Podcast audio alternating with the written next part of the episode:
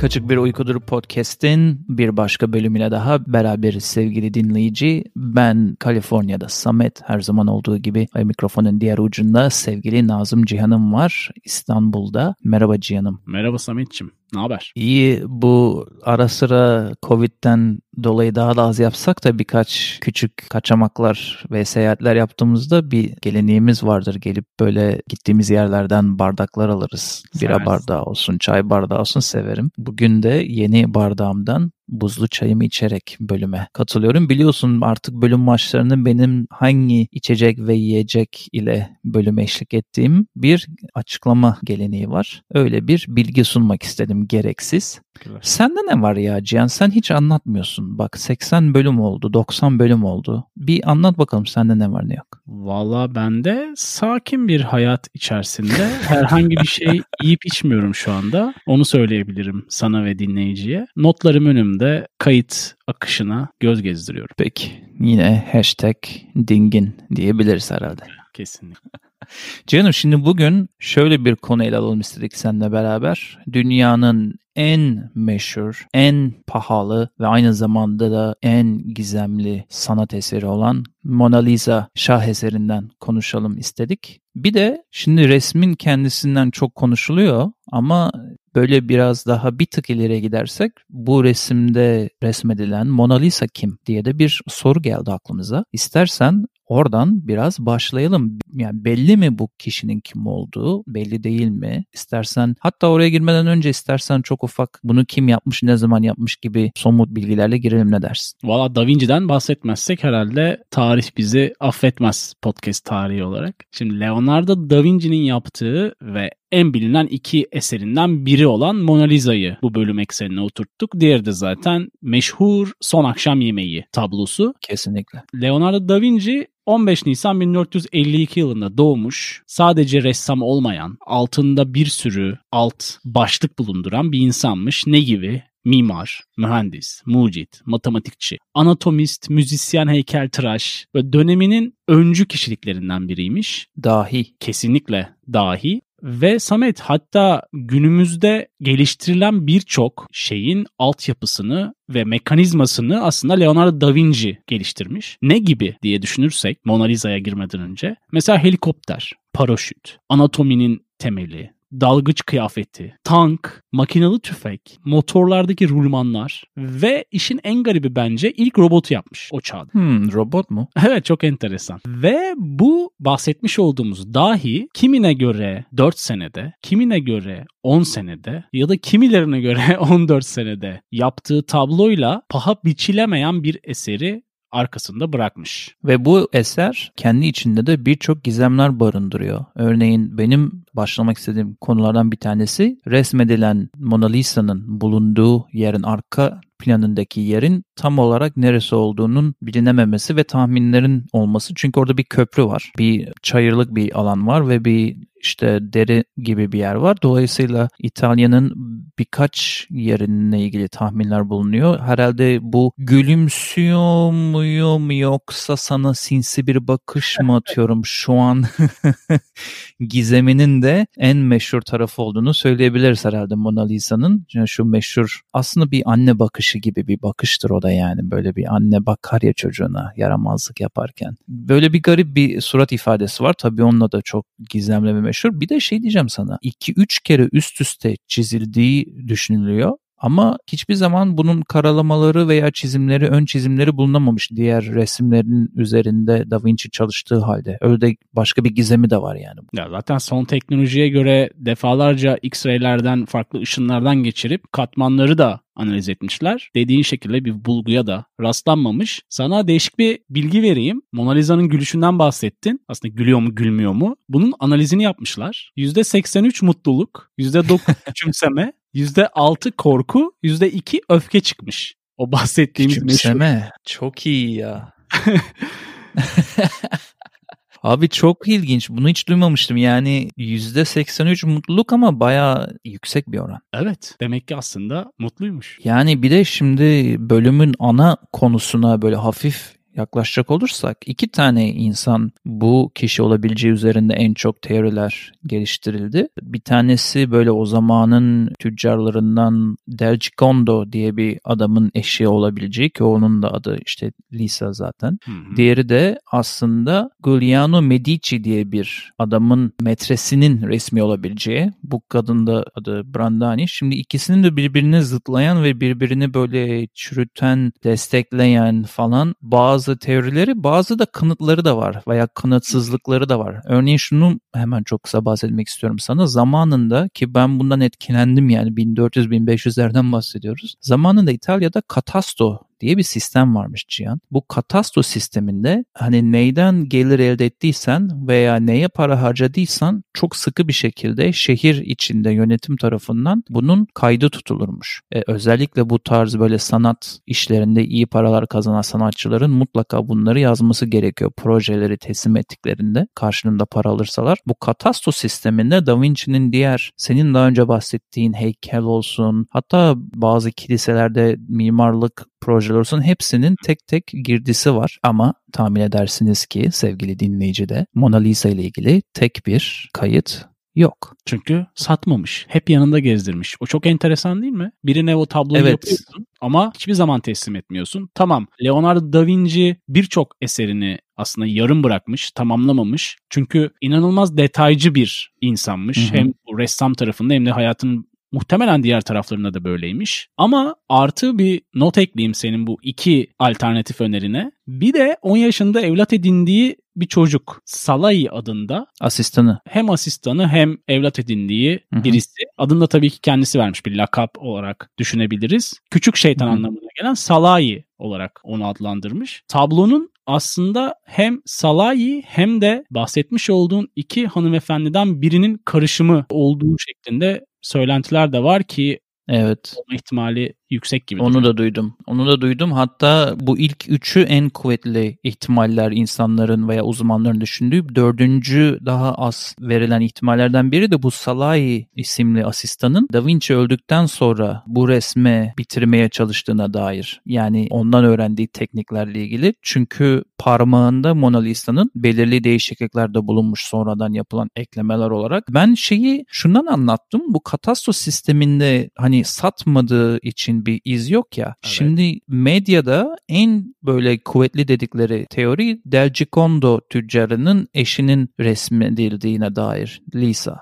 Ama bu tüccarın sınıf olarak Da Vinci'nin sınıfında olmadığı, sıradan bir tüccar olduğu, Da Vinci'nin o yıllarda, bunun yapıldığı düşünüldüğü yıllarda zaten çok üst mertebeye çıkıp çok üst insanların resimlerini çizdiği biliniyor. Dolayısıyla aslında bunu çürüten bir durum bu katasto sisteminde paranın olmaması demek. Bu tüccarın bir para karşılığında yani eşinin portresini Da Vinci'ye çizdirme ihtimalinin olmaması demek. Ama nedense ben araştırdığımda bu konuyu Cihan en çok buna inanıyorlar. Hep Del Giocondo diye inanıyorlar araştırıcılar. Benim yine çok çok kafama yatmadı. Bir de bu Del Giocondo ile ilgili şöyle bir tane küçük bir şey bulunmuş. Bir tane yazılı bir kayıtta Francesco yani kocasının eşinden bona fide diye bahsettiği güzellik ve kişilik zenginliği için bona fide diye bahsetmiş ve bu o zamanlarda kadınlara verilen bir sıfat ya çok söylenen kullanılan bir sıfat değilmiş. Yani ekstra bir güzelliği olduğu düşünülüyormuş. Uzun lafın kısası böyle bir gizem var kim olanlar ama bu arada kaşlarının olmaması da çok garip değil mi sence? Leonardo da Vinci'nin yaptığı her şeyde çok detay ve simetri ve matematik olduğunu düşünürsen ve sakladığı şeyler de var ki 11 bin sayfa el yazısı olan notlarını şifreleme ve tersten yazarak yapan bir insan. Doğal olarak onun kaşlarının olmamasının zaten bir anlamı vardır. Olmamasına imkan yok. Zaten senin dikkatini çekmiştir. Yapılan taramalar sonucunda görülen bazı şifre ya da böyle dokunuşlar resim içerisinde fark ediliyor. İşte bazı rakamlar, bazı harfler. O yüzden bence bir anlamı vardır. Farklı Hı. tarafı gerçekten var Leonardo da Vinci'nin. Bir tane chronicler diyorlar buna İngilizce'de. İnsanların daha o zamanlardan zaman ne yaptığını, ne ettiğini, nasıl yaşadığının kaydını tutan bir İtalyan varmış. Antonio de Beatis diye. Bu adam 1517'lerde bir not yazıyor ve bu notunda Lisa del Gigondo olmadığına dair kuvvetli bir kanıt bırakıyor. Çünkü kendi notunda Da Vinci'nin bu resmi Medici'nin isteği üzerine yazdığı veya yapmaya başladığı ve aslında hayali bir kadın olduğu iddia edilmiş ve bu hani belgede 1517'ye ait bir belge tabii ki de yani aslında şu anlamda önemli. 2020'lerde tahmin etmiyorsun geriye dönüp bu adam bunu bu işin tam ortasında daha tazeyken bu konu yazmış bu notu. Hani bu aslında imaginary yani hayali bir kadının portresidir diye. Dolayısıyla bu üç ihtimal arasında hala gidip geliyoruz bana kalırsa. Bilmiyorum senin hangi yöne doğru eğiliyor tahminin? Sence bu bir anne mi yoksa bir metres mi yoksa bir tüccarın güzel eşi mi yoksa tamamen hayali biri mi yoksa 3-4 kişinin karışımı bir hayali insan mı? Çok dediğin gibi fazla komplo teorisi içerisinde yüzülen bir resim ki yüzyıllar boyunca da böyle gitmiş gibi. Yani 1500'lü yılların başından bahsediyorsun. O zaman analiz edilmiş. Hala çok değerli bir eser. Yani bir figür var evet ve bence o figür gerçekten Salahi olabilir ana tema. Ama resmin son hali tamamen hayali bir kadın gibi benim gözümde. Salahi olmasının sebebi de aralarında farklı bir ilişki olması ve o dönem papazların hakim olduğu bir dünyada, karanlık dönemlerde yani anatomi için bile bir sürü kaçak araştırma yapmak zorunda kalmış. Bir sürü ortaçağ prosedürüyle uğraşmış. Ben öyle düşünüyorum ya. Biraz bazı şeyleri saklama ki uzman olduğu bir konu. Yani o konuda biraz gizemli bir durum var. Bir de bu asistanı bu arada Da Vinci 67 yaşına kadar yaşıyor. O zamana göre çok iyi bir yaş yaşam süresi anlamında. Ve hatta Fransa'ya gidiyor işte kralın yaşadığı yerde kalıyor falan iyi bir şartlar altında takılıyor ama öldükten 1-2 yıl sonra Salahi dediğin senin bu gizemli asistanı da gizemli bir şekilde vefat etmiş bulamamışlar onu da. Yani böyle garip biliyorsun komplo teorilerini araya serpiştirmeyi severim bazı bölümlerde. Ee, onun asistanının da böyle çok temiz, net bir sonlanan bir hayat hikayesi yok. Dolayısıyla orada neler oldu bilmiyoruz. Bu Mona Lisa da zaten Da Vinci öldükten sonra biliyorsun uzun süre kralın şatosunda, kalesinde artık nerede kalıyorsa Bodrum'unda kilitli bir şekilde kalıyor. Ta ki meşhur Napolyon bir gün burada önüne çıktığında resim bu resmi buradan çıkarın yatak odamın başucuna asın diyene kadar. O zaman tabii ki resmimiz dünya sahnelerine geri dönüyor. Şey çok enteresan. Napolyon deyince aklımda canlandı. Napolyon duş alırken Mona Lisa tablosuna karşı duş alıyormuş ve inanılmaz huzur veriyormuş ona. Bunu gördüm. Ciddi misin? Saçma. Evet saçma. Herkesin artık ezbere bildiği bir portreden bahsediyoruz. Ve %83'te mutluluk var. Bir gizemi var tablonun. Değeri de var tabii paha biçilemez. Ben bir tek şeyde biraz ikilemdeyim. Bilmiyorum sende hiç bu his var mı? Böyle bir sanat eserinin milyon dolar etmesi. Yani bu Da Vinci'ninkine ben laf etmiyorum. O tabii ki de acayip bir... Milyon etmiyor çünkü daha fazla ettiği için. Evet yani milyon trilyon ediyor. Gerçi Louvre'deki kopyanın kopya mı yoksa orijinal olup olmadığını da tartışan çok insan var da o başka bir bölüm konusu. Ama lafı şey getirecektim sana Cihan. Bir tane sergide sanırım ya 6 ay önce ya bir yıl önce yani çok kısa bir süre önce Da Vinci'ye nazaran bir tane sergide bir eleman bir muzu sergilemişti. Hatırlıyor musun onu? Ve yani bu afilli bir sergiden bahsediyorum. Bütün zenginlerin katılıp yüksek ücretler ödediği falan açık artırmalı. Muzu adam sergilemişti ve muzu milyon bilmem kaça satabilmişti o gün. Yani böyle bu tarz şeylere biraz daha benim modern sanat var. Evet evet tabii ki de yani bu Da Vinci'nin zamanında kısıtlı şartlarda insanların hayal güçlerini kullanıp muazzam tablolar yaratıp inanılmaz kiliseler inşa etmeleri falan başımızın üstüne. Ben şu anki modern zamanlarda çizilen bir küçük bir elmanın veya asılan bir muzun milyon etmesine biraz dil uzattım. Ama biz tabii o sınıfa hiçbir zaman girmediğimiz için bilemeyiz. Belki de ileride çok zengin olduğumuzda canımız sıkılırsa elimizdeki paralarla biz de öyle şeyler almaya başlayabiliriz ne dersin? Şey biliyorsun değil mi? Da Vinci'nin çalışmalarının çoğu hangi iş adamında bulunuyor koleksiyonunda? Trump. Çok uzak değil. Bill Gates'in özel koleksiyonunda Da Vinci'nin birçok eseri bulunuyormuş. Bu senin biraz önce söylediğin şeyin altını dolduracak bir şey ve tabii ki ulaşman çok mümkün değil milyoner ya da milyoner olsan da. Şeye de değinmek lazım Samet. O kadar yüzyıllar boyunca popüler bir eser haline geliyor ki Mona Lisa tablosu. Dönem dönem tabloya saldırılar oluyor. Evet ya. Evet onu biraz anlat. O çok ilginç ya. Ve en son artık biz bunu korumalıyız. Çünkü gerçekten para biçilemeyen bir tablodan bahsediyoruz. Kurşun geçirmez bir camın arkasında Louvre Müzesi'nde sergileniyor. Sanıyorum 3 kere saldırıya uğruyor Hatta bir tanesinin izi X-ray'lerde gözüküyor. Bir kadın taş atıyor ve tablonun sol alt kısmına geliyor. Ya kafasına da gelebilir bu arada. En azından köşesine gelmiş tesellisi oluyor. Öyle bir karşı tarafta var. Çünkü bir kesimde ya bir tabloyu bu kadar neden büyütüyorsunuz ki hep Mona Lisa'nın tablosu büyük olarak çünkü çok ünlü bir tablo olduğu için büyük olarak düşünülür. Aslında çok küçük Hı-hı. bir eser. Evet sen onu büyük ihtimalle görmediğini tahmin ediyorum. Çünkü ben de görmedim. Sen görmedin mi? Gözle. Yok görmedim ama eşim gidip bizzat görmüş. O da aynısını söyledi bana senin söylediğinin. Oradan konfirm edebiliriz. Bir çıktım önüne diyor. Minicik ufacık bir şeydi. Benim de arkadaşım gidip bana fotoğraf atmıştı. Ya bu bu muymuş? Ne kadar küçükmüş mesajıydı. Çünkü gerçekten çok büyük bir eser tarihte ama ebat olarak da büyük bir eser gibi canlanıyor ama değil. Sen şeyden şaşırdın. Ben Fransa'ya birkaç yıl önce gittiğim için şaşırdım büyük ihtimalle. Onu da hemen çok kısa anlatayım uzatmadan. O kadar çok yoğun ilgi ve sıra vardı ki çünkü kısıtlıydı seçeneklerim ve kalacağım zaman. Oraya gitmektense zamanında Notre Dame'ı seçip tepesine gidip gargoylarla vakit geçirmiştim. Hmm, iyi ve şimdi de iyi ki yapmışım diyorum. Biliyorsun daha sonrasında bir gün bir baktık ki Notre Dame çatır çatır yanıyor ve benim ziyaretimde hemen öncesindeydi. Dolayısıyla Louvre biraz yerli yerinde sapasağlam durduğu için ona başka zaman bakarız. Genel olarak da zaten Fransa çok ilgi alanım içinde olan bir yer değil. Tekrar gideyim her 2-3 yılda bir falan diyeceğim bir yer zaten değil de Fransız kültürünü biliyorsun.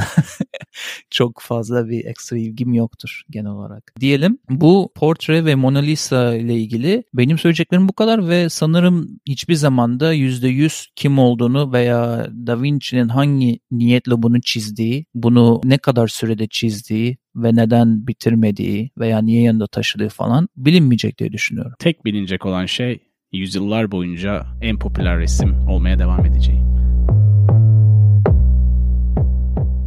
Ne öneriyoruz kısmıyla bir kez daha siz podcast dinleyicilerinin karşısındayız. Bu bölümde son zamanda bir şeyler dinliyorsak, onları izliyorsak yahut okuyorsak farklı farklı şeyler paylaşıyoruz.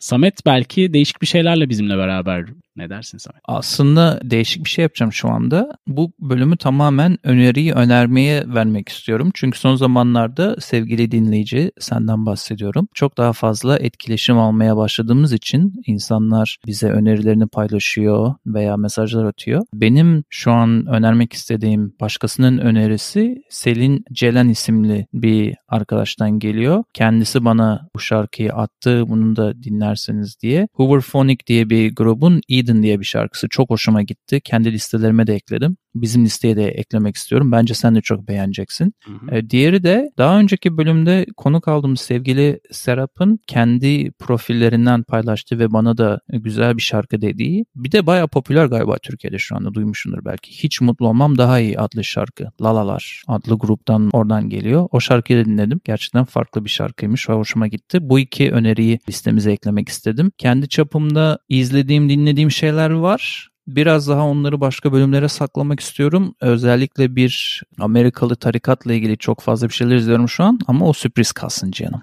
Teşekkür ederim.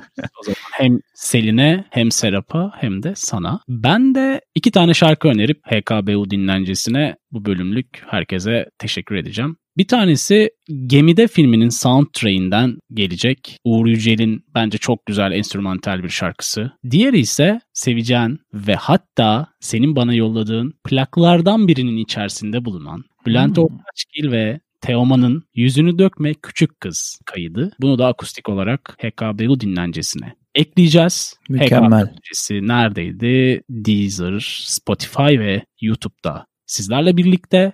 Ayrıca bizi hkbupodcast.com üzerinden takip edip ulaşabiliyorsunuz ve ayrıca Patreon'dayız. Aynen öyle canım. Bu aralar daha böyle şarkı odaklı öneriler oldu. Bakalım ileride başka şeyler de öneririz. Veya sizin de bunu dinlerken ya ben de aslında şunları dinleyip izliyorum ve acayip keyif alıyorum bu aralar herkes baksın bir diyorsanız dediğiniz varsa bize yazın sosyal medyadan. Biz de onları bu listelere ekleyelim. Buralardan insanlara duyuralım. Bizi her zamanki gibi dinlediğin için sevgili dinleyici sana çok teşekkür ediyoruz. Bu podcast maceramızın bir parçası oldun. Cihan'ıma da buradan tekrar co-hostum olarak teşekkür ediyor ve programı noktalıyoruz. Hoşçakalın.